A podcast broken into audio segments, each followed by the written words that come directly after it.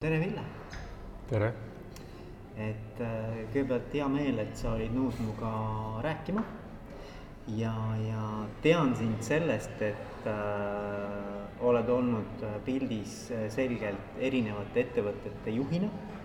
noh, võtame siin, ma ei tea, Delfi või Uusmaa või ja, ja samamoodi kuskil oli isegi märge, et sul on, sinuga on mingi ligi viiskümmend äh, ettevõtte asutamist seotud, et või isegi ma ei tea, mis see number täpselt on, aga igal juhul sa oled nagu väga palju olnud äh, ettevõtlusega seotud. ja, ja noh, muidugi ka Arengufondi äh, nõukogu esimehena, eks ole. et ma arvan, et sa oled nagu väga hea inimene, kellega juhtimisest rääkida. esimene küsimus oleks selline, ütle mulle, Ville, mis asi see juhtimine on? mida, mida juht teeb, et talle palka maksta, mille eest talle palka makstakse? No palk, palk on üks väärtuse ülekanne, eks ju. ehk väärtust kellelgi on see omanikud või kes iganes riik anda kellelegi juhile äh, palka ehk siis mingit väärtust, seda tuleks teha millegi eest. see tähendab seda, et, äh, et see isik peab tooma mingi muutuse. no muidu pole seda mõtet teha mm. -hmm. Ja muutuse selles mõttes, et muutus on ka see, et, et hoida mingit asja käimas või, või viiagi läbi mingi muutus, eks ju, teha midagi paremaks või arendada või, või ehk selgelt peab sellel noh, see on küll kulunud väljend, aga, aga lisaväärtus on see, mida juht peab tooma. aga nüüd miljoni dollari küsimus on see, et äh, kuidas ta seda teeb või mida ta teeb. -hmm. et tegelikult äh, juhina minu kogemus on see, et äh, et väga tihti, kui sa oled tippjuht, siis kui sina oled ettevõttega sada kümme protsenti, ehk siis igapäevaselt kogu aeg ja oled nagu informatsiooni juures, siis ei ole võimalik selline olukord, kus, kus omanikud ehk järgmine tase või nõukogu ehk siis juhist järgmine tase on samal tasemel informeeritud. see ei ole võimalik. siis nad peaksid selle ettevõttega kulutama täpselt sama palju aega kui juht ja seetõttu äh, on juhi eetika ülioluline. ehk tegelikult on ka Eestis endiselt palju ettevõtteid, kus äh, omanikud ei aima ja ei teagi, mis seal ettevõttes tegelikult toimub. ehk see on palju selles juhis kinni, äh, mida ta teeb ja kuidas ta teeb, kui eetiliselt ta teeb, eks ju, kuidas ta seda lisaväärtust loob. ja noh, kui me siin ajakirjandust jälgime, siis me näeme, eks ju, noh, ei möödu kvartalit, kui mingi juhtkond kuskil ei jää vahele sellega, et omanikud on avastanud midagi, mis neile tegelikult ei sobi. noh, alates sellisest otseselt vargustest kuni, kuni selliste hallide alade tehinguteni, mida tegelikult oleks pidanud omanikele rääkima, et ja tihti ehk see, see, et omanikud või omanik siis on nõus mingi raha välja käima, tagasi nüüd selle palgateema juurde, tähendab seda, et, et see juht peab tooma mingi lisaväärtuse mingi muutuse, ta peab tegema midagi, mida, mis on kasulik siis omanikele. nüüd see kasu, see on nagu lihtne, aga edasi nüüd hakata mõõtma seda, et, et milline see kasu täpselt on ja kuidas seda luua, see läheb hästi keeruliseks. Mm.. sest on, juhtimises on tihti olukordi selliseid, kus, kus see, mida tahavad omanikud või nõukogu ja see, mida näeb, et on vaja teha juht ei pruugi nagu sada protsenti kattuda. ja ehk sealt võivad ka tihti tulla sellised vastuolud, et, et kas siis juht suudab nii-öelda oma ideed maha müüa omanikele ja suudab seda ikkagi teistmoodi teha, eks, või mingite muude vahenditega saad, saavutab sellise võimu, et ta saab ikkagi oma nägemust läbi viia. et aga see, see pole alati võimalik. nii et noh, põhiliselt võiks öelda, et jah, et palka on nõus omanik maksma siis, kui äh, luuakse mingit väärtust nüüd milline see täpselt on, et vot see, see, see on keeruline teema, et kas noh, me teame, et ettevõtted on väga erinevates arenguetappides ja, ja ka juhid on väga erinevad, et teatud etappidel sobivad ühed juhid, teistel etappidel teised juhid. ehk kas see on noh, tiit-, ütleme kriisis on võib-olla kõige lihtsam, kui ettevõte on kriisis, siis on lihtne, et siis on omanikud ja juht kõik ühel ütleme, ühe informatsiooniga, et on teada, on vaja ettevõtte kriisist vaja välja tuua ja see, see on selles mõttes küll olukord on keeruline võib-olla, aga aga nüüd juhtimise mõttes on see tegelikult lihtne. ülesanne on selge, just, ülesanne on selge ja omanikud ja juht on selgelt ühes baasis. aga kui ettevõttel läheb hästi, siis võivad olla need tegelikult äh, olukorrad palju keerulisemad. sellepärast et, äh, et noh, näiteks juht, kes on hea kriisilahendaja, on kriisist äh, asja läbi toonud, tavaliselt on need ka head juhi, samamoodi sobib neile hästi kiire kasv näiteks või selline startup'i see varajane periood. see on niisugune transformational. just. ja, ja kui seda tüüpi juht saavutab äh, lae või jõuab olukorda, kus ettevõte on sellise nagu äh, kasvu, kiire kasvufaasi läbinud ja nii-öelda mature või noh, selline tavaettevõte, kus, kus ta ei kasva enam kordades aastates, eks ju, käive ja pigem siis hakkab mõõtma seda nii, nagu suured ettevõtted mõõdavad, see niisugune pluss viis või kümme protsenti aastas on juba isegi hea, eks. siis sellises olukorras see kiire kasvu juht enam ei tavaliselt talle see ei sobi. aga küll me näeme ettevõtet, kus, kus inertsist on, kuna omanikud usaldavad seda juhti, kes tõid selle ettevõtte kriisist välja või siis kasvatasid üles, eks ju, usaldavad teda ja jäävad nagu mugavustsooni nii juhtkond kui ka omanikud ja ei saa aru, et tegelikult nüüd edasi, eks ju, see juht ei suuda või juhtkond ei suuda enam lisaväärtust tuua, luua. Ja vot selliste momentide äratabamine eks, et äh, jah, on omanikke, kes äh, taipavad selle momendi ära ja toovad äh, mingi muutuse, on ka juhte, kes ise saavad aru sellest. et head juhid tavaliselt ise saavad aru. see on üks isegi loodusseadus, et tavaliselt head juhid saavad ise aru, aga sa alati saad tagantjärgi aru aga kui... see, kas see ei ole mingi, vaata Charles, Charles Handy kunagi rääkis sellest nagu sellest kõverast, vaata. et, et, et sa pead hüppama nagu järgmise kõvera peale ennem ehk et siis tooma. jaa, see on hea teooria, aga kui sa näiteks teeksid praegu intervjuu kõikide ütleme hästi, hästi hakkama saanud tippjuhtidega kas või Eestis eks siis sa avastad, et kõik nende lahkumised, eks keegi nendest ei planeeri, et nüüd kaheteist kuu pärast, eks ju, mul praegu veel kõik kasvab kiiresti, aga kaheteist kuu pärast, kui siis enam ei kasva, et siis ma vahetan, ei ole nii. ehk siis ta jõuab sinna lakke, isegi kui ta täpselt ennustas, siis tal läheb aasta kindlasti, enne kui ta aru saab, et tal on igav, eks. ja, ja siis ta ikka mõtleb, et mis siis nüüd see muu oleks ja omanikud ikkagi meelit-, meelitavad, et ära mine, ära mõtle, ikka tõstavad veel palka ja kompensatsiooni annavad annavad veel osalust ja optsioone, on ju, ja niimoodi tegelikult see inerts tihti juhtub, et noh, mina ütleks, et ikka äh, niimoodi hiljaks jääda selle vahetusega kaks või isegi kolm aastat on väga lihtne juhtuma. mul on ise seda mitu korda juhtunud, eks, ja mul ei ole kordagi õnnestunud nagu alla aasta nagu seda inertsi pidada. Aga noh, see selleks, et ega looduses on ka ju inerts, et selles mõttes äh, see võib-olla ongi loodusseadus aga, aga ütle mulle, et, et mis nagu on sellised tunnused, mis sinu jaoks näiteks, et kui sa nagu juhte valid või, või nii-öelda pead nagu juhte värbama, mis on sinu jaoks nagu tunnused, et sa näed, et vot näed, see on äh, hea juht? see ei käi ainult juhi kohta, see käib iga, iga tiimiliikme kohta tegelikult okay,. Okay. et noh, ütleme, vahe tuleb lihtsalt selles, et sa vaatad ju alati ka kogemust ja kuigi see ei ole minu prioriteet number üks, aga noh, juhi puhul lihtsalt, kui sa vaatad kogemust, et ta on juhina või mingi tiimi juhina olnud, on ju, siis ta sobib ka noh, suure tõenäosusega juhiks, on ju, kuigi Kumu ka sobib. et see käib ka kogemusele, aga tegelikult mul on suhteliselt universaalne skeem, et vahet pole, kas noh, kui ma peaksin ka, kuigi ma ei võta osa siin näiteks siin selle restorani, me istume praegu Pegasuses, et selle Pegasuse restorani teenindaja näiteks palkamisel ma ei osale aga vahest ikka juhtub, kuna mul on hästi suur tutvusringkond, et, et see on keegi tuttav tuttav, on ju, eks, et, et siis ma küll osalen, sellepärast siis ma ütlen, nagu annan oma sellise lisainfo, eks ju, juurde. aga kui ma osaleks, siis see vaade on suhteliselt sarnane nagu juhi valikul.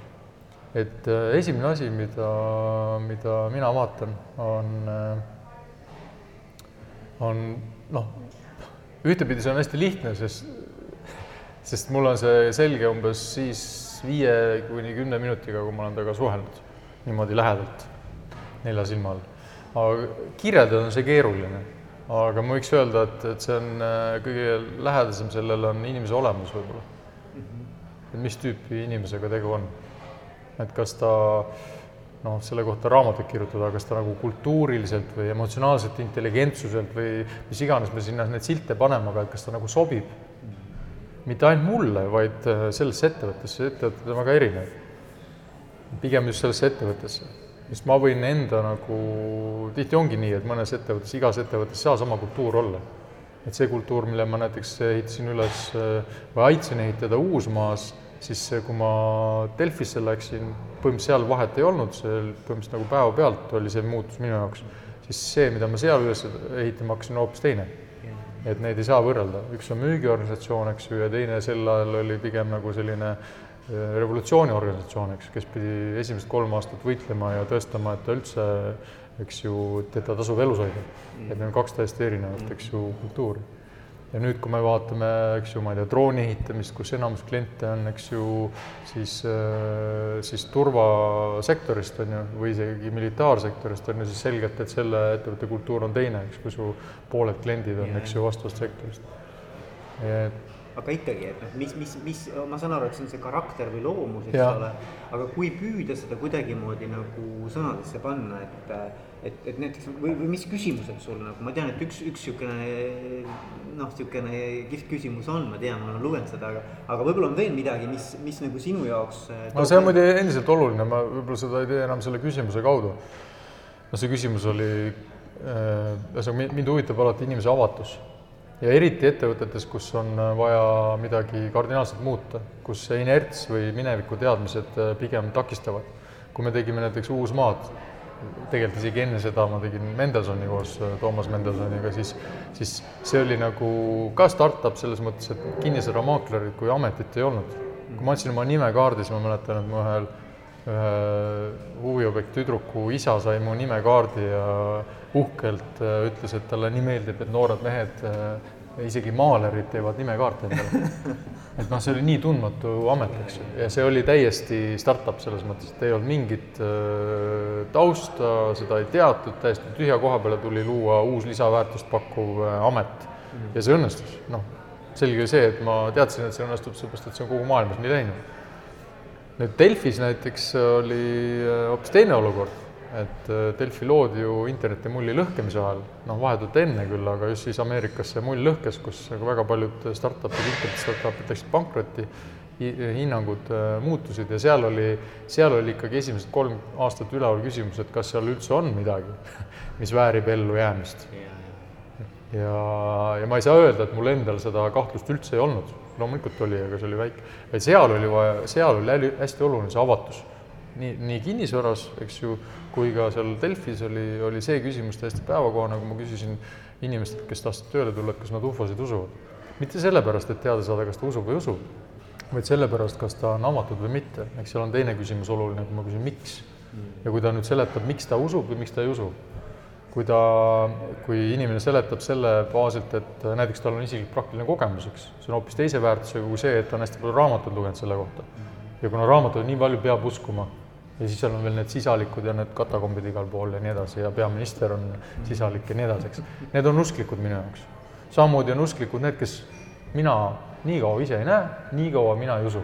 see on ka minu jaoks samamoodi usklik ja usklike inimestega mina tegemist teha ei taha mm sellepärast et äh, nende ideed on nii tugevad ja see igapäevatöös samamoodi äh, äh, siis mõjutab kogu ettevõtet, eks sa-, see, seesama inimtüüp, usklik tüüp ta võtab mingi oma idee, loeb mingi raamatu ja siis tuleb ja taob sellega, eks ju, kogu tiimi. et ta on nagu kinni seal. just, ta on kinni, sellest ta ei suuda lahti lasta, sest tema idee on kõige parem alati, see on kõige väärtuslikum ja siis ta tõmbab nagu äh, kapslisse, eks ju, kui seda ei võeta, siis ta on ülirõõmus ja eufoorias siis, kui tema ideed siis kasutatakse mm.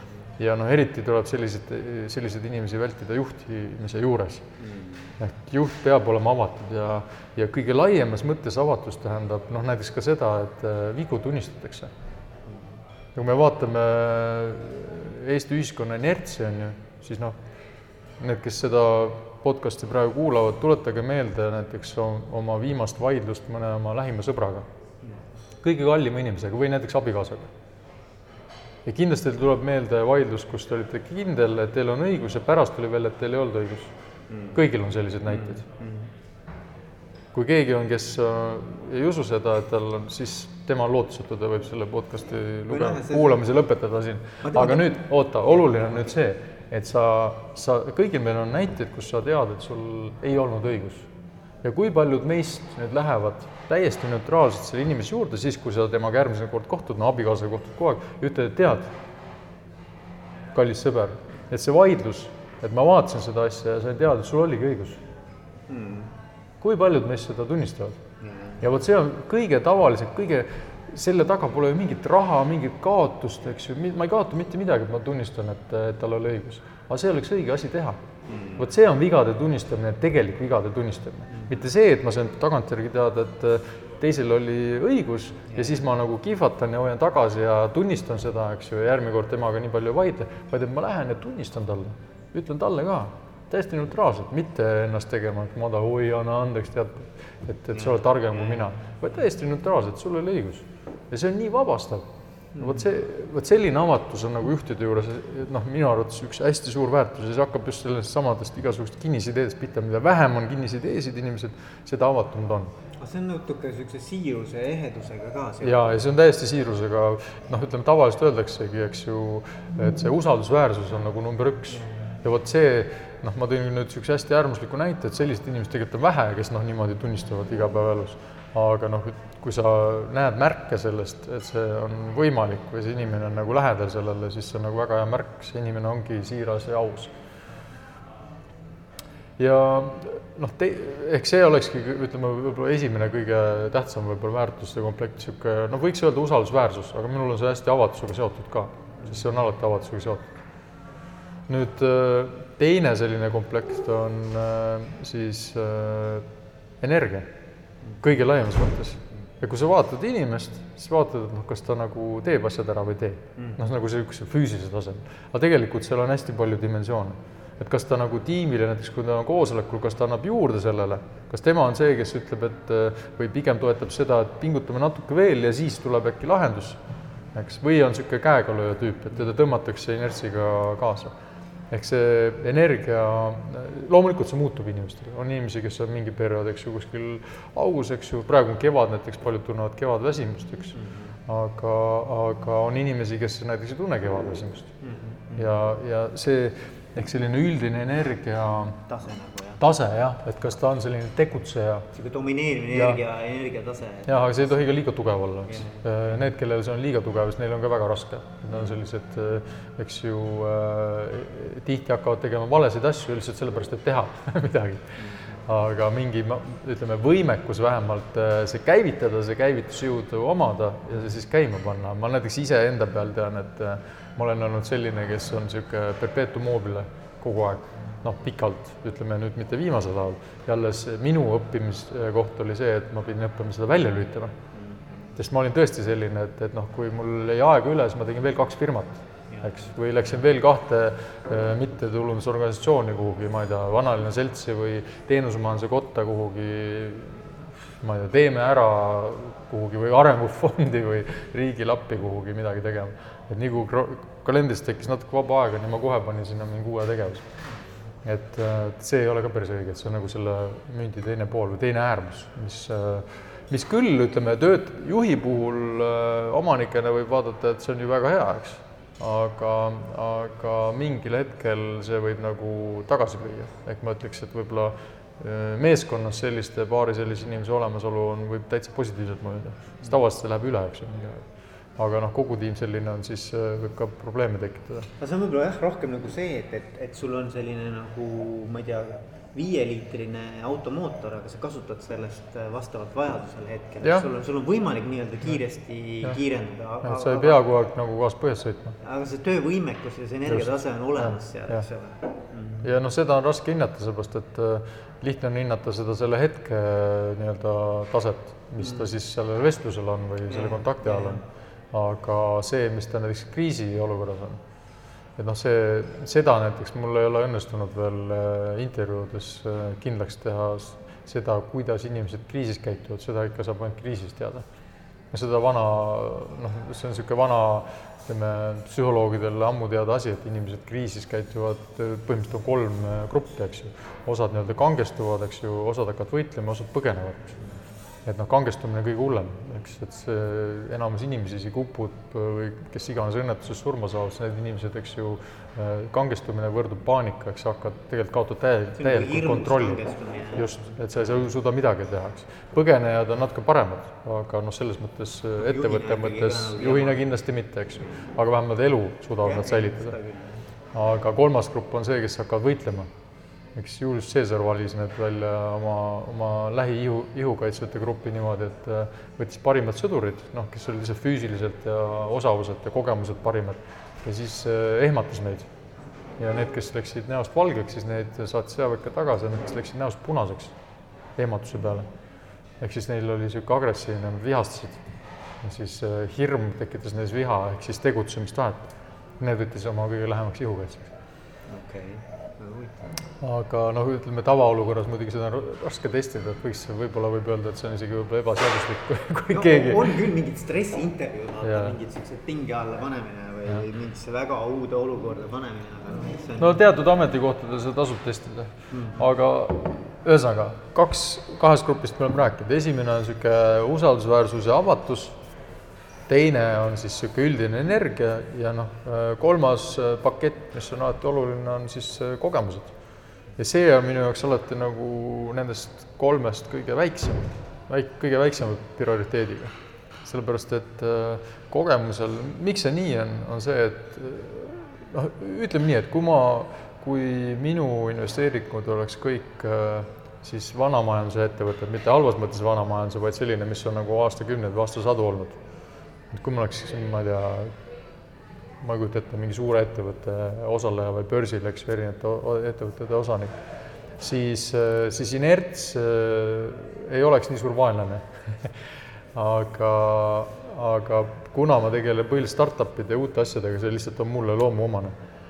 ehk selliseid äh, täiesti uusi lahendusi, siis seal on inerts alati takistav tegur ja kogemus võrdub, kogemus ja inerts on alati võrdelised, nad ei ole võrdsed, aga nad on võrdelised. hoiab kinni. just, et, et, et väga suure kogemusega inimene võib olla liiga kinni oma kogemuses, sest tema, see kogemuste pagas on tema jaoks, enda jaoks üks selline kõige väärtuslikum tema osa, noh, töö suhtes. ja nüüd uh, uue asja tegemisel, eks ju, mingi situatsiooni lahendamisel võib juhtuda, et, et ta tahab teha samamoodi, sest see on ju see kõige väärtuslikum. toimib aga et luua midagi uut, siis tuleb teha asju teistmoodi. ja nüüd, et kas ta oskab siis selle kogemuse baasilt äh, läbi näha, et mida ta seal nüüd teisiti peab tegema, vot see on hea küsimus. aga kogemus, mingi kogemus on alati oluline, ehk siis kui see on tegemist, eks ju, täiesti startup'iga, siis tihti võib olla inimene, kes äh, omab mingit kogemust nagu mingil sarnasel või mingil noh, ütleme mingil kõrvalalal, mitte otseselt selle poole. eks äh, noh palju on nalja visatud, et näiteks äh, ma ei tea, kui me noh, kuna mul on ka kaks restorani, eks ju, et siis, siis restoranidesse noh, selliseid äh, kuuekümneaastaseid baarmene on ju, me ei võta, miks? sest nende, eks ju, põhilised tööoskused ja nende kogemused ja nende suhtlusvõrgustik tekkis äh, nõukogude ajal. Mm. ja see, mida baarmenid siis tegid, ei ole see, mida me tahame, et nad täna teevad, on ju nii? isegi siis, kui nad suudavad neid kogemusi mitte kasutada, siis milleks? nõus, nõus palju lihtsam on, eks ju, koolitada välja noori mm.. et noh, enam see, ütleme kümme aastat tagasi oli see selline dilemma, täna ei ole see enam eriline dilemma. aga noh, ütleme ettekandjate puhul on sama, et, et, et on väga suure kogemusega ettekandjad, kes tegelikult noh, kuna meil nii EF-is kui Pegasuses, eriti siin Pegasuses on palju äh, äh, siis rõhut-, rõhutud teenuse disainile, siis siin tihti uus isegi gümnaasiumi lõpetaja, kes on lihtsalt avatud inimene, keeled suus, on väga hea suhtleja, siis talle see teenindus äh, selgeks teha on ülilihtne, palju lihtsam, kui hakata ümber muutma kogenud teenindajat. ahah mm -hmm, mm. -hmm. nii et kogemused on nii ja naa. kui me võtame äh, näiteks Trioodi seda drooni äh, arendusettevõttesse Äh, inseneri, siis äh, loomulikult on väga suur vahe, kas ta tuleb koolipingist või ta, ta on äh, kogemustega. näiteks elektroonikut, noh, seal ei ole küsimustki. ta on spetsialist, eks ole. just, seal on kogemused mm. väga tähtsad ja pigem võibki juhtuda, et mõned inimesed teevad seal sellist tööd, nagu nad, elektroonikutööd, nagu nad teevad, tegid kümme aastat tagasi, eks ju mm.. tegelikult täpselt samad töövõtted aga räägi, Villem, mulle sellest ka, et, et ma tean, et sa oled tegelenud ka selliste vaimsete nii-öelda teemadega. räägi mulle, et, et, et kuidas sa nagu juhtimist ja selliseid äh, äh vaimseid äh, mõttevoole nagu omavahel seod või on see sinu jaoks, on seal mingi side ka, et, et? Äh, no loomulikult on side, et see ongi üks ja sama asi, et noh, minu jaoks seda on üldse kuidagi keeruline nagu lahutada, et, et äh, vaimsus äh, jah, siis kui ma mingite asjadega tegelema hakkasin, siin ma ei tea, joogaga juba tõsiselt üheksateistaastaselt ja võitluskunstidega üheteistaastaselt, siis äh, noh, siis see tundus nagu mingi elust erinev asi, eks. siis äh, aga ühel hetkel äh, ma sain aru, et äh,, et tegelikult kogu, kõiki neid nii-öelda vaimseid asju on mõtet nagu arendada, teha siis, kui nad on praktilised. mis tähendab seda, et nad peavad olema sellised, et neid saab integreerida igapäevaellu. noh, mingis osas nad niikuinii on praktilised, sellepärast et nad ju muudavad äh, inimese suhtumist, äh, kui nad on noh, kui nad on praktilised praktikad, siis nende eesmärk on ju tuua esile ka mingi muutus, muidu pole neid mõtet teha. Ja, ja õnneks jah, mul, mul ei tekkinud sellist äh, eskapismi või põgenemist, nagu ma aeg-ajalt märkan, et, äh, et osade inimeste jaoks on see vaimsus nagu justkui nagu päriselust nagu eraldatud. et see vaimsus töötab seal kuskil mingis äh, suvelaagris või mingis joogatunnis või, või siis võitluskunstitunnis aga tegelik eesmärk on see, et äh, see, mida sa algul äh, algajana jah, pead äh, tegema vaikuses samasuguste inimeste seltskonnas kuskil eraldatuna, siis selle eesmärk tegelikult on ju tuua see tegevus või seisund või oskus igapäevaellu, nii pereellu kui tööellu, siis on sellel väärtus mm. -hmm. nii et et ma võiks öelda, et, et õige oleks öelda, et ma tänaseks võib-olla juba kümmekond aastat, et ma elangi vaimset elu ja töötan vaimset tööd yeah.. et ma püüan võimalusel kõiki neid asju rakendada nii oma investeeringute, nii oma juhtimisküsimuste, nii oma pereelu või kõikide eluvaldkondade juures.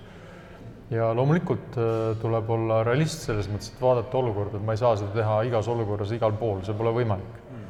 sellepärast, et inimesed on väga erinevad aga, aga rõõmuga saan öelda, et on ettevõtteid, kellel, kus on see noh, see nii-öelda viirus äh, külge jäänud ja levinud heas mõttes jah, niimoodi, et, et inimesed on hakanud sarnaste asjadega tegelema. et äh, tegelikult võib-olla paljud ei tea, aga, aga mul on juba pikalt nii, et umbes pool oma ajast ma kulutan ainult äh, noh, pool nii-öelda tööajast või töisest ajast kulutan ma äh, tavamõttes nagu juhtimisküsimuste, ettevõtete ja investeeringute peale. aga pool oma ajast ma kulutan äh, sellise, ma nimetan seda ühiskondlikuks kasulikuks tööks ÜKT peale. no arengufonde näiteks seal, eks, kus ma siis äh, püüan aidata mingeid organisatsioone või, või ma ei tea, Teeme Ära või või, või Vanalinna nagu Selts või nagu jah, just ühiskonnale midagi mm. ja selle hulka ma loen ka praegu selle, et ma teen äh, siis juhtidele äh, teadliku muutuse kunstikoolitusi. ja mul on selline juhtide siis, see on siis tehnikate äh, kogum, mille, mille on kokku pannud minu õpetaja Ingvar Villida, kelle juures ma siis Lilleorus hakkasin ka õppimas käima siin kümmekond aastat tagasi. ja, ja nüüd ma sain õiguse nagu see või, või ta ise nagu soovitas mul ise ka seda edasi andma hakata, sest ma olen just nagu ise praktikettevõtja ja ja te-, ja tegelikult see juhtus veel niimoodi, et siis ettevõtjad, kellega ma tegelen või, või ütleme, minu kolleegid erinevates ettevõtetes siis märkasid, et et ma mingites situatsioonides käitun teistmoodi. no näiteks ma ei tea, viha, emotsioonid, et ma kontrollin ennast palju paremini kui võib-olla keskmine inimene. ja siis nad hakkasid küsima ja uurima, et kuule, mida sa teed. ja kui ma neile rääkisin, noh, viisakas inimene, kui küsitakse, ma vastan. Ja kui ma rääkisin, siis, äh, siis nad äh, küsisid, et kas sa võiksid meile ka neid õpetada.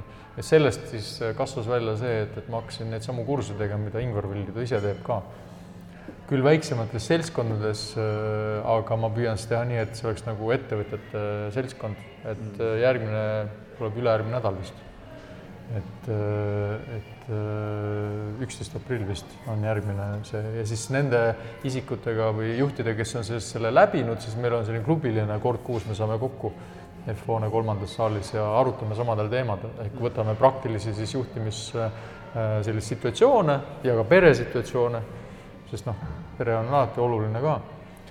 tegelikult isegi peaks olema olulisem kui need ettevõtted, mida me juhime siis äh, ja siis äh, jagame seal nii-öelda kogemust ja võib-olla korrigeerime. Ja noh, seal on niisugune tehnikate komplekt, mina nimetan seda tööriistakastiks, mida siis seal kursusel saigi. Ja siis, äh, siis poleerime need tööriistakasti elemente seal ja, ja vaatame, et kas kõik on ikkagi õigesti meelde jäänud ja korrigeerime vahest. Ja et see on üks, see võtab peaaegu et pool mu ajast praegu. nii et jah, vastus pikk vastus su küsimusele on jah, tegelen küll aga pea, ütleme nii, et, et peaaegu, et ainult sellega ma tegelengi. aga räägi mulle nüüd, see on väga huvitav just, et me jõudsime sinna, et, et ma tahtsin ka sinna jõuda. ütle mulle, mis on nagu selle niisugune nagu noh, see on väga keeruline muidugi lühidalt öelda, eks ole, aga mis see keskne mõte on või mis, mis on see kandev motiiv sellel, kogu sellel äh, nii-öelda koolitusel? seda võib öelda mitut moodi üks, üks lähenemisnurk näiteks, mis on hästi lihtsalt mõistetav, on see, et äh, inimesena me tegelikult ei kontrolli oma käitumist. seda kontrollib meie alateadvus enamasti.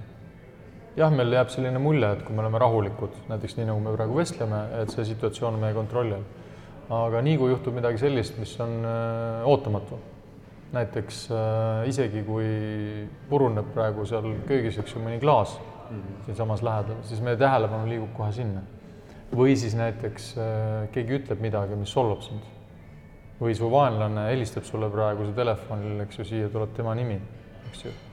kellega sa oled nagu ammu, sa tead, et see varsti tuleb, eks, aga nüüd see just tuleb. siis äh, tõmbab käima mingi sellise automaatse äh, sündmuste ahel ja siis me kaotame kontrolli. kõige lihtsam on vaadata seda näiteks, äh, kui inimene vihastab ka juhid vihastavad väga tihti, eks. siis äh, see, kuidas ja mida ta teeb sel ajal, kui ta on vihaga samastunud, äh, on midagi, mida ta pärast võib-olla kahetseb ja suure tõenäosusega kahetsebki. tihti tehakse kahju, eks ju, teistele inimestele või ma ei tea, eks ju, füüsiliselt midagi lõhkuda, eks ju, ma loodan, selliseid juhtumeid vähe mm -hmm. Eestis järgi jäänud. või kellegi kallale minna, eks ju, mis juhtub alati, ma ei tea, ööklubides aeg-ajalt, eks ehk, ehk inimesel on palju situatsioone äh,, äärmuslikke situatsioone, mida me kõik märkame, kus me kaotame kontrolli, aga tegelikult enamus elu ei ole kontrolli all.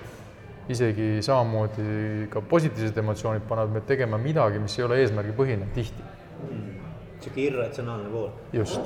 ja nüüd äh, ehk siis kõige laiemas mõttes lihtsalt öelduna, siis teadliku muutuse kunst on selline tehnikate komplekt, mida on väga palju erinevates kultuurides olnud kogu aeg, eks ja ka raamatupoes on, eks ju, mitmed raamatud, kus on mitmeid asju sees. aga see on see hea kaasaegse inimese tehnikakomplekt, kus ei pea, eks ju, käima, ma ei tea, aastaid kuskil joogaklubis, vaid äh, need on võimalik omandada põhimõtteliselt paari päevaga, mida sa saad kohe rakendama hakata, et võtta see kontroll nende automatismide käest tagasi. Ja see ei ole mingi nagu lõputu sõda, püha sõda, et võtta nüüd kellelgi kontrolli üle alateadvuse käest, meie ego käest, eks, vaid see on juhtunud ju ajaloos sellepärast, et me ei ole kontrollinud neid situatsioone, ehk see tegelikult on inertsist juhtunud ja alateadus on võtnud üle mitte ainult tegevusi, mis ongi automaatsed, näiteks nagu jalgrattaga sõit mis peabki olema automaatne, nii ongi mõeldud, et kui sa ühe korra õpid selgeks, alateadus võtab üle ja sa ei pea enam tegelema sellega, kuidas ma tasakaalu hoian, kuidas ma lenksu pean, see kõik toimub niimoodi, et sa võid samal ajal midagi muud teha.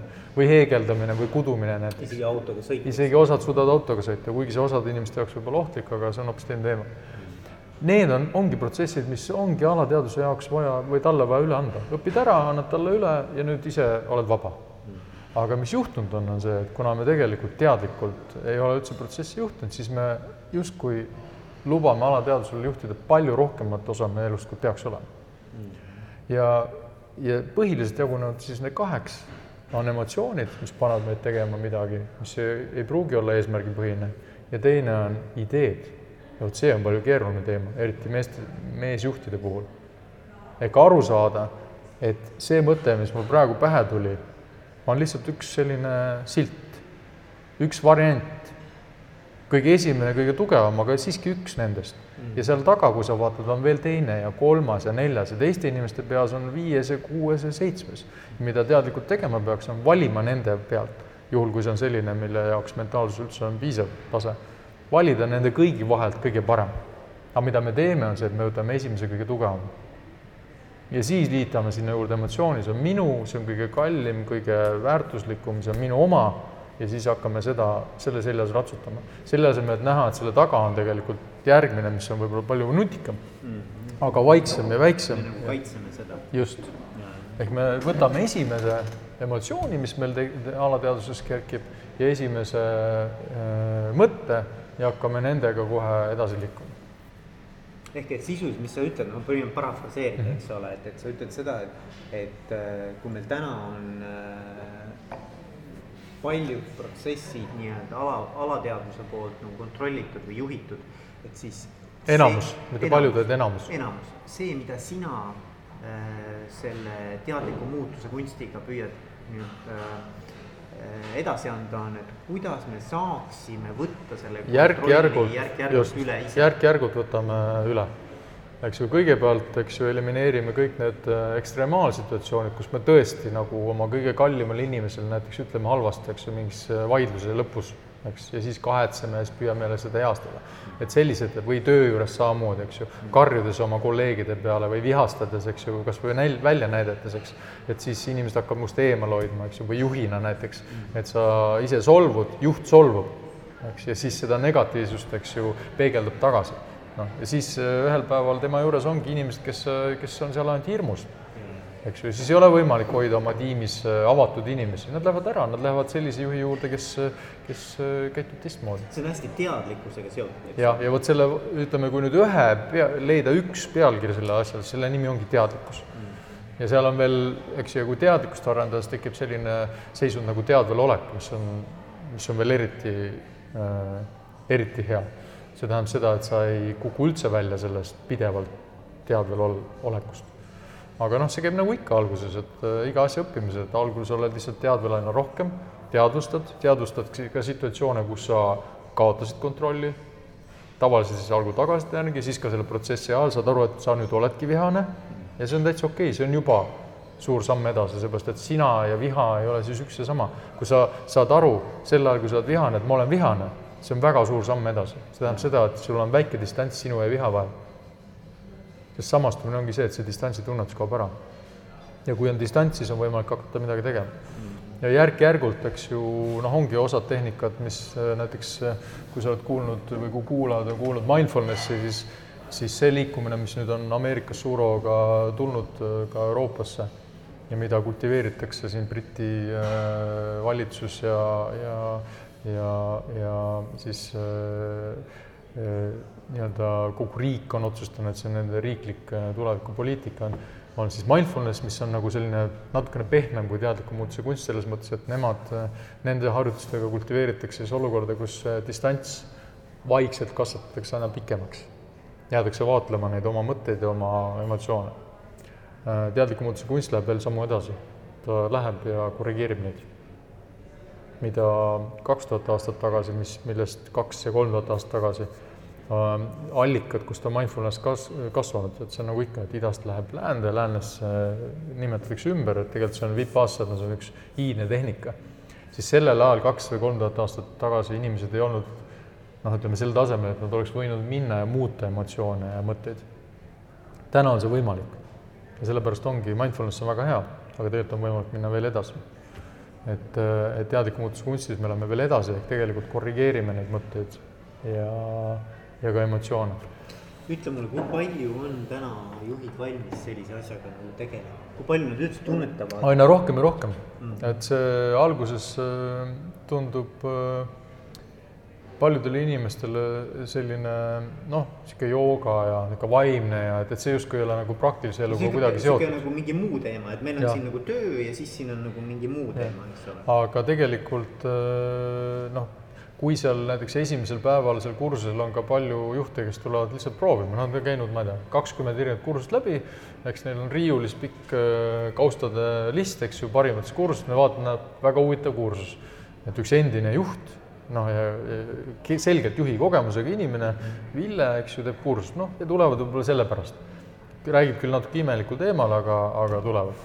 siis äh, kahetsejaid ma ei ole siiamaani koh-, kohanud. et need, need asjad ongi nii praktilised.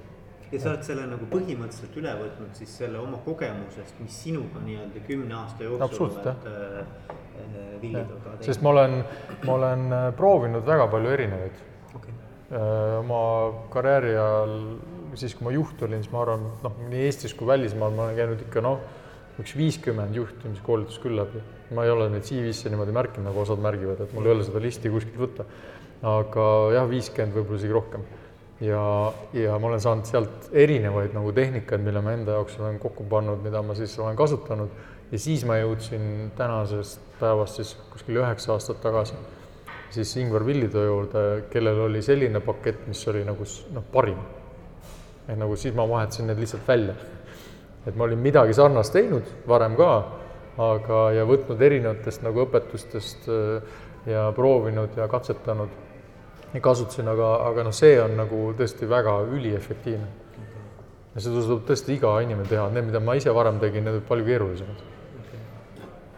selleks on vaja ikkagi nagu mingit tausta ja nagu aastaid harjutamist mm. -hmm nii et, et see on jah, see, millega ma tegelen, et, et äh, ei möödu ja, ja noh, ja teine on siis loengud, kus ma räägin sellest samast teadlikkusest põhiliselt, et noh, täna ka ma siitsamast lähen äh, Kunstiakadeemiasse sisearhitektide kursusele äh,, leppisin nendega kokku, et ma teen, seal me räägime seisundid ja looming, eks, mis on ka tegelikult inimese sisemaailmaga seotud, et tegelikult seesama baas, mida kasutab ka teadlikkuse õpetus või siis teadliku muutuse kunst ehk et inimesel on niisugune viis erinevat olemust, alates füüsilisest kehast, siis emotsioonide keha, siis mõtete osa, siis meie intellekti osa, mis on palju kõrgem kui mõtted ja mõistus, ja siis on see päris mina, et kui me vaatame nagu inimese olemust äh, sellisel viiel äh, tasemel, saame aru, mis neid nagu eristab, siis ka igas elusituatsioonis on see nagu noh, väga toetav või abistav. Eks sa saad aru, et kas sul on füüsilise keha probleem, kas sul on emotsionaalne probleem, kas sul on mingi mentaalsusega mingid jamad või on sul intellektiga midagi, noh, seal tavaliselt inimestel probleeme pole, probleemi on pigem see, et ta pusib nii palju alumiste kolmega tasemega, et ta ei saagi intellekti. ja ütleme, loojate puhul inimesed, kes tahavad midagi uut luua, kusjuures sellel vahet, kas ta on arhitekt või sisearhitekt või juht, kui tahab uut luua, siis asi, mida meile koolis ei õpetata kõige lihtsam reegel on see, et alumised kolm taset peavad olema vaikuses. Sest int-, uued asjad, intellekt sosistab. aga meil käib rongkonts-, rokk-kontsert. emotsionaalsel tasemel, mentaalsel tasemel, no osadel inimestel füüsilise keha vaevused ka, et kui sul ikkagi äh, kõrvavalu on, eks ju, proovi sa midagi uut luua.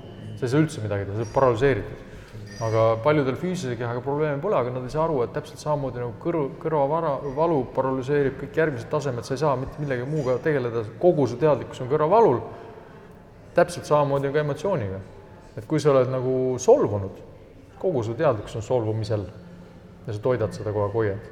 ja sellise inimese käest loota, et ta nüüd ka isegi mõtleb midagi ratsionaalset, ei ole võimalik. ja siis on inimene, kelle kogu teadlikkus on mõttetegevusel mõistus töötab väga hästi, aga sellest edasi, just. Einstein on öelnud äh, väga hästi, et äh, väga paljud inimesed on eksiarvamusel, et ma olen mõttetegevusega midagi välja mõelnud. see ei ole tõsi. ta sai väga hästi aru, et ta ei kirjeldanud seda küll süsteemi nii, aga ta sai väga hästi aru, et väga intensiivse mõttetegevusega ei mõtle midagi välja, see on hoopis vastupidi. tegelikult peaks lõdvestama hoopis. mõttetegevus võib eelneda, eks see on niisugune ettevalmistuseks hea aga mitte uue väljamõtlemiseks ei ole see, tal olid oma tehnikad, kuidas ta siis, tema seda vaikust äh, tekitas.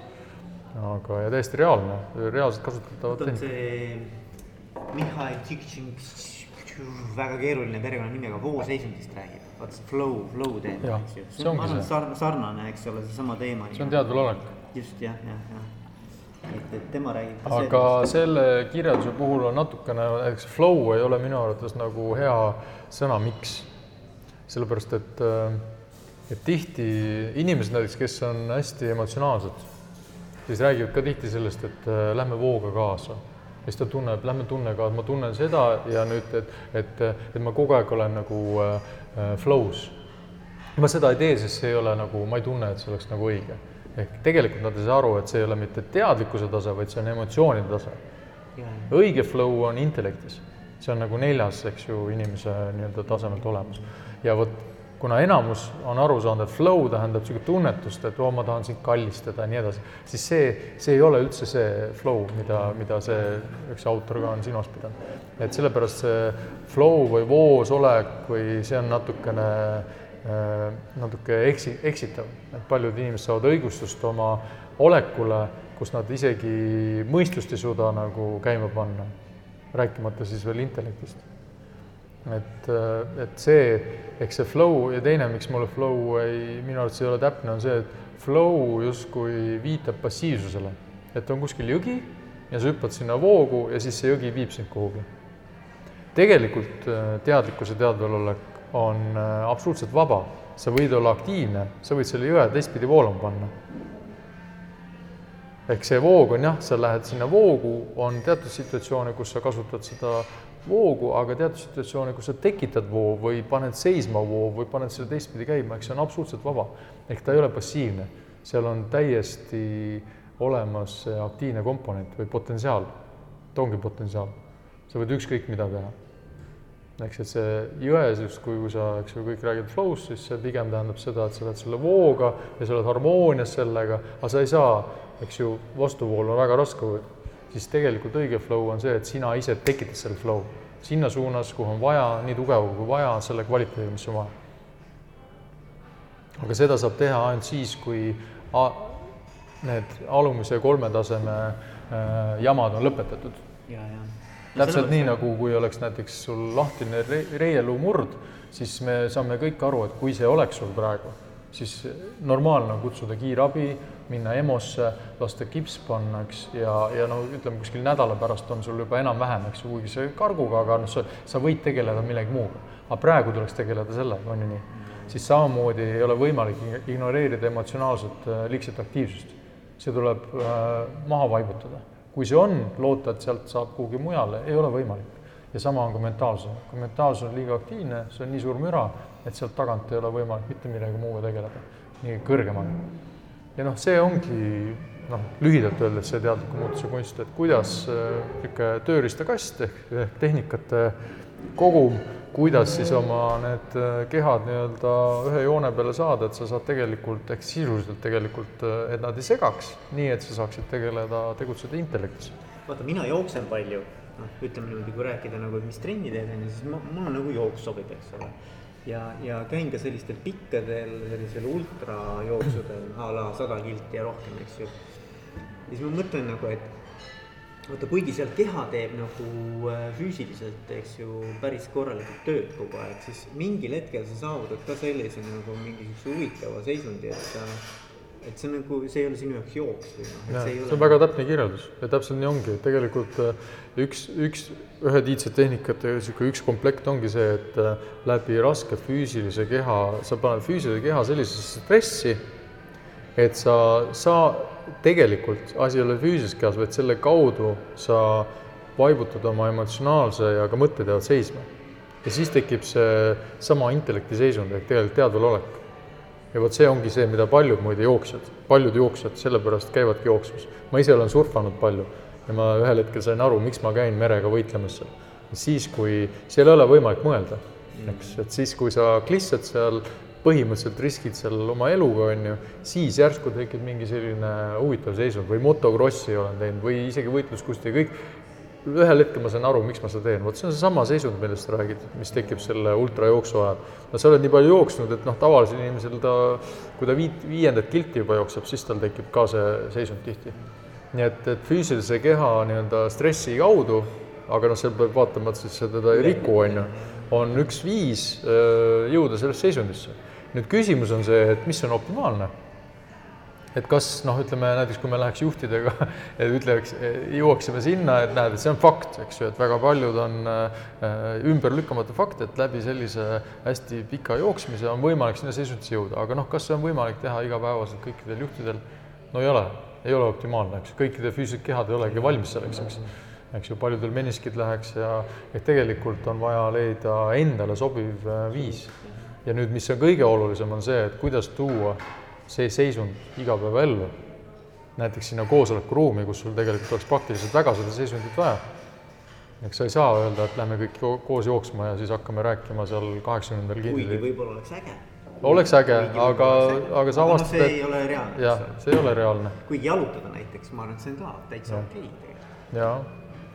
nii et, et jah, füüsilise keha kaudu tänu sellele, et meil on alateadvuses sellised komplektid, et kui füüsiline keha läheb hästi stressi, siis ta tegelikult äh, võtab teadlikkuse maha nii mõtetelt kui emotsioonidelt. ja nüüd siis, kui sa suudad siis seda füüsilist koormust ignoreerida, mis tuleb kogemusega, siis sul ongi võimalik, eks ju, ligi pääseda intellekti seisundile. nii et see, see tõesti on nii, jah no paljudel juhtub see näiteks mingi hästi isegi liiklusõnnetustes, eks ju, või mingi, mingi raske ehmatusega, eks, et on hästi palju situatsioone, kuidas igapäevaelus inimesed äh, tulevad teadvale. aga noh, tavaliselt läheb kohe üle.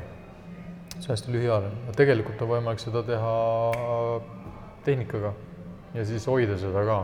selleks on olemas tehnikad õpetus. üks teema tegelikult, mis ma tahaks veel rääkida jaa, räägi. on see, et, et see teadlikkus iseenesest tundub selline hästi tehniline. noh, et muidugi igaühe jaoks on praktiliselt äh, ju hea, kui, kui ta juhtida, ma ei tea, koosolekut läbi viies, eks ju äh,, püsib teadvel, mis tähendab seda, et, et ta kontrollib oma reaktsioone, valib oma mõtetest alati kõige täpsema, eks ju, sõnastab selle ülitäpselt ja nii muutub kõik hästi lihtsamaks, elu muutub lihtsamaks. nüüd mida sa oma blogis oled palju puudutanud ka, on see eetilisus. ja, ja kuid kuigi teadlikkus tundub, tundub sellise nagu neutraalse relvana, noh, et mida võib kasutada ükskõik milleks, mida ta põhimõtteliselt ongi, siis tegelikult, kui nüüd inimene äh, on äh, intellekti tasemel ehk siis äh, teadlik, siis sealt tulevad esile sellised põhimõtteliselt sellised klassikalised eetika alused ehk isik, kes on püsivalt teadvel, siis ta saab väga hästi aru, mis on nagu õige, mis on vale, mis on nagu sobilik, mis ei ole sobilik. Ja see küll on nagu võib-olla keeruline pikk teema, aga see on väga seotud, nii et, et äh, paljud, kes on öelnud, et äh, noh, ma olen saanud ise ka sellist tagasisidet, need, kes on seda vähe proovinud, et, et oi, et, et aga et see on noh, nagu selline noh, et sa jätad nagu suure osa oma oma nagu olemusest nagu emotsioonid ja mõtted nagu justkui maha või nagu justkui võitled nende vastu, mis tegelikult pole õige, aga noh, osadele tundub see nii. Ja et, et mis siis saab, et eetika on ju tavalise inimese jaoks nagu emotsioonide tasemel, et meeldib, ei meeldi ja mõtete tasemel õige ja vale, siis tegelikult seal intellekti tasemel on see tegelik päris seeme et seal nagu ütleme, sellel tasemel võib-olla ei olegi võimalik ebaehe olla või eba ebasiiras, eks ole. õige, täpselt nii mm., täpselt nii mm., sealt kasvabki see tegelik äh, heaolu ja tegelik õiglustunne. see, mis äh, nii-öelda igal inimesel on sees, siis sealt hakkab ta rääkima või sa kuuled seda või tajud seda nagu õigesti. kuigi sinu emotsioonid või mõtted selle kohta võivad öelda teisiti, aga nüüd, kui sa oled püsivalt juba sealpool, siis sa tegelikult vaatad elule hoopis teistmoodi. muutud palju rahulikumaks, paljud asjad, mis tunduvad täiesti valed, sa hakkad neid aktsepteerima kõik on okei okay., see on ka okei okay.. aga kõige tähtsam on see, et sa näed oma tegevuse puhul, mida sa tegid mingist emotsioonist, sa arvasid küll, et see on nagu õige asi, aga tegelikult ei ole see eetiliselt õige olnud. ja vot siit tuleb äh, kõige tähtsam küsimus, su esimene küsimus, see, et mis on juhtimine. siis juhtimine ju tegelikult, kui vaadata kõige nagu noh, kõige sügavamalt on ta tegelikult manipuleerimine sa paned teisi tegema seda, mida sa ise tahaksid, et nad teeksid. just. nüüd eetilisemas ettevõttes käib see kokkuleppel, et sa oled avatud ja kui nad saavad sellest aru, et nad on nõus selle ja neile need ideed sobivad, on ju, siis nad käivad kaasa, nii et see ei ole üldse mani- manipuleerimine nagu negatiivses mõttes, vaid pigem nagu neutraalses mõttes. et kui juhul, kui inimesed aru saavad, eks ju, ja see on kõik avatud, kui nad aru ei saa, see on nagu noh, ütleme justkui lubamatu. Ja vot siin, siit tuleb välja tegelikult ainuõige teadliku juhtimise viis ehk tegelikult sa pead selle manipuleerimise osa laskma miinimumi peale, mis tähendab seda, et juht, juhi definitsioon muutub. juht saaks olla, hea juht saaks olla ideaalis ainult selline, kes tekitab keskkonna, kus see meeskond suudab nagu parimat luua, parimat lisaväärtust luua. Ja nüüd, kui sa paned sinna veel need, et sama nii-öelda valgustunud peaks olema ka omanikud ja nõukogu, siis selliseid situatsioone ei ole ju väga tihti, on ju nii? startup'ide puhul rohkem, sest enamasti on see tiim, eks ju, ise osanik. ehk, ehk mina olen jõudnud selleni, et hea juht on see, et ma ei tea, kas sa oled kuulnud seda anekdooti, et, et kaks juhti läksid aastaks maailma, ümber maailma reisile ja, ja leppisid kokku, et, et ei võta interneti, telefone, mitte midagi kaasa. aasta aega olid ettevõtlusest eemal, mõlemad tegevjuhid suure ettevõtte tulid tagasi. ühe ettevõte oli läinud kriisi ja teisel oli läinud paremaks. Said siis nädala pärast kokku saunas jälle, noh, sõbrad, eks ju, ja siis vaagisid muljeid, et kuidas sul läinud, ütlesid oi-oi-oi, et nad ikka ilma minuta on nii palju valesid otsuseid teinud, et noh, aga poole aastaga ma, ei, ma ei tule enam kunagi niisugusele ümbermaailma reisile, et see on võimatu, et, et nad nii vajavad mind, ilma minuta nad ei saa hakkama, on ju, aga ma toon nad välja. Teine ütles, et tead, et täitsa uskumatu, et, et, et müük on üles läinud, on ju, ja niisugused osakonna juhatajad on seal nagu staariks muutunud, et ma, mina küll ei arvanud, et nad nii hästi hakkama saavad. Ja siis teine, see ütleb, et kuule, et aga sind ei olegi vaja, sa segasid neid, onju. Ja see ütleb, et kuule, et aga sina, sina oled vale juht, et, et ilma sinuta nad ei suuda midagi teha, et sa oled mingi autokraatne juht või midagi, et, et nad ei saa hakkama ilma sinuta. ja õige on, mis, mitte kumbki pole, kummagi pole õige. ikka õige juht läheb aastaks ära, tuleb tagasi, midagi ei ole muutunud on ju nii? aga samas temast ei sõlt-, noh, et, et, et see ettevõtte käekäik ei ole sõltuvuses. just, eks, et kui turg läks üles, läks üles, turg läks alla, läks alla, aga mitte nii, et ilma temata ei saada hakkama ja sel teisel variandil, kel pärast paremini läks, on ju, tähendas see, et ta segas on ju nii mm.? ehk ta tegelikult ruulis üle teiste inimeste häid ideid. juba see ka, et ta ütleb, et ma ajan selle kõik korda nüüd poole aasta, see juba näitab iseenesest, et tegelikult temast. ehk siis, ehk siis õige juht tekitab, ehk parim juht on selline keskkonna tekitaja et kuna tal on kogemust, eks ju, ja noh, eeldatavalt ka laiem pilt on ju, siis ta valib selle tiimi sellisena, et nad kõige paremini koostöös teevad, eks ju, ja annab niisugust suunab ainult, aga mitte ei juhi. võib-olla, aga kas võib öelda nii ka, et, et parim äh, juht on see, kes loob sellise ettevõtte keskkonna, kus äh, mingil hetkel teda enam vaja ei ole mm. -hmm muidugi, jah, nii võib ka öelda. et mõnes mõttes ta teebki nagu selle ettevõtte, ütleme, juhtimissüsteemid, keskkonna, kogu selle nii-öelda raamistiku selliseks, et äh, ta nagu mõnes mõttes koondab enda ära. no ideaalis tegelikult tippjuht, tippjuhil võiks olla umbes kolmkümmend protsenti selline aeg, mis tal üleüldse kalendris äh, book itud tegelikult isegi, ma ütlesin ideaalis, ideaalis võiks olla isegi viiskümmend protsenti. aga mis meie kultuuriliselt on see, et näiteks kui omanikud või nõukogus seda teada saaks, et tal on pool vaba aega, on ju, siis et kuule, et siis oled pool aega ju. et ei pea olema koosolekut täis, sest tema on see, kellel on laiem pilt, tema võiks näha seda, et mis ta seal keskkonnas saaks veel nagu muuta, paremaks teha. meil on nagu hästi selline hands-on juhtide kultuur, kus äh, ma olen ise ka selline, kes nagu kellel on alati tendents nagu asjad ise ära teha, kui ma näen, et on nagu kehvasti, eks ju. aga tegelikult peaks äh, delegeerima, delegeerima, delegeerima, lasta ettevõttes kõigil teistel teha no see on see ka, et sul, sul puudub sellisel juhul võimekus nagu kõrvalt vaadata, vaata kui sa oled nagu nii orav rattas. et sa ei saagi nagu sellest, nagu sellest äh, distantseeruda. kuule, aga Ville, nüüd aitäh sulle mm. -hmm